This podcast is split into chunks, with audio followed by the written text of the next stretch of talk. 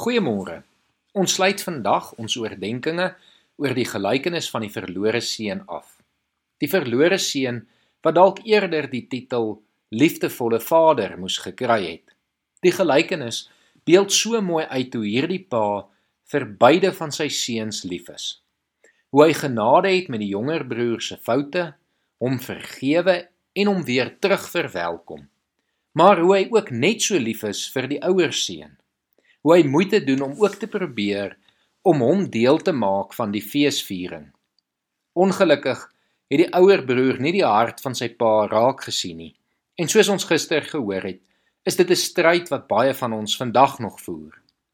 Vanoggend fokus ons egter op die Vader. Die klimaks van hierdie gelykenis is om soos die Vader te word. Dit is wat elkeen van ons geroep word om deur hierdie gelykenis te doen om soos die Vader te leef. En dit kan ons net doen as ons werklik die Vader ken. En elkeen van ons wat tot geloof gekom het, ken die Vader, want die Vader is deur Jesus aan ons geopenbaar. Johannes 1 vers 18 sê: Niemand het God nog ooit gesien nie. Sy enigste seun, self God, wat die naaste aan die Vader is, die het hom bekend gemaak. Later in die eerste brief van Johannes brei Johannes uit op wie God is en dan skryf hy dit so mooi in 1 Johannes 4 vers 7 wanneer hy sê God is liefde. Vanoggend wil ek jou opnuut uitnooi na God se liefde as Vader vir jou as sy kind. Word stil binne God se teenwoordigheid en weet dat God jou liefhet.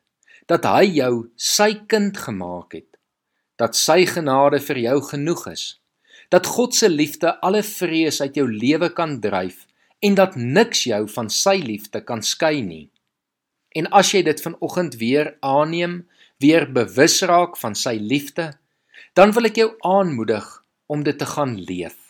Gaan leef soos die Vader in die verhaal van die verlore seun. Wees liefdevol, vol vergifnis en deernis gaan leef die liefde van God ons Vader in hierdie wêreld wat dit tans so nodig het. Ons dink vanoggend spesiaal weer aan almal wat deur COVID geraak word. Die wat siek is, die wat geliefdes aan die dood afgestaan het, die dokters en verpleegsters wat hard werk, besigheidsmense wat swaar kry, mense wat hulle werke verloor het en sommer enige iemand anders wat die Here vanoggend op jou hart druk. Wees lief vir hulle. Gaan wees vir hulle die Vader en ondersteun hulle daar waar jy kan.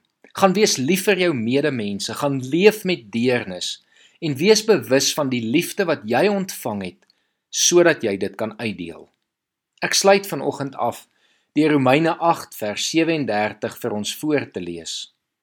Maar in al hierdie dinge is ons meer as oorwinnaars deur hom wat vir ons liefhet. Hiervan is ek oortuig.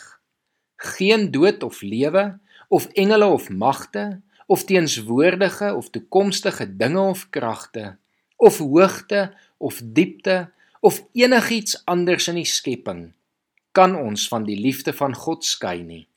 Die liefde wat daar is in Christus Jesus, ons Here. Kom ons bid saam. Here, ons wil vanoggend weer opnuut almal wat siek is aan U kom opdra. Here ons wil kom vra dat U by elkeen sal wees, hulle bewus sal maak van U teenwoordigheid en van U liefde.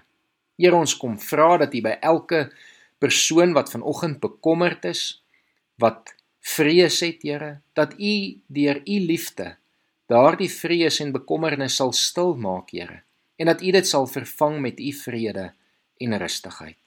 Here ons kom bid vir al ons dokters en verpleegsters in ons land wat tans baie hard werk, Here. En ons kom vra dat U hulle sal seën met bonatuurlike energie en krag om ook op hulle wyse diensbaar te wees en lewens te red. Here, ons kom vra dat U by elke gelowige sal wees, Here. Dat ons elkeen sal vas staan in U liefde en dat ons U liefde aan hierdie wêreld sal bekend maak en dat ons dit sal uitleef tot die beste van ons vermoë. Here, dankie vir al u liefde wat ons ontvang het. Dankie dat u vir ons se Vader is wat vir ons sorg en vir ons as u kinders aangeneem het. Ons bid dit in Jesus Christus se naam alleen. Amen.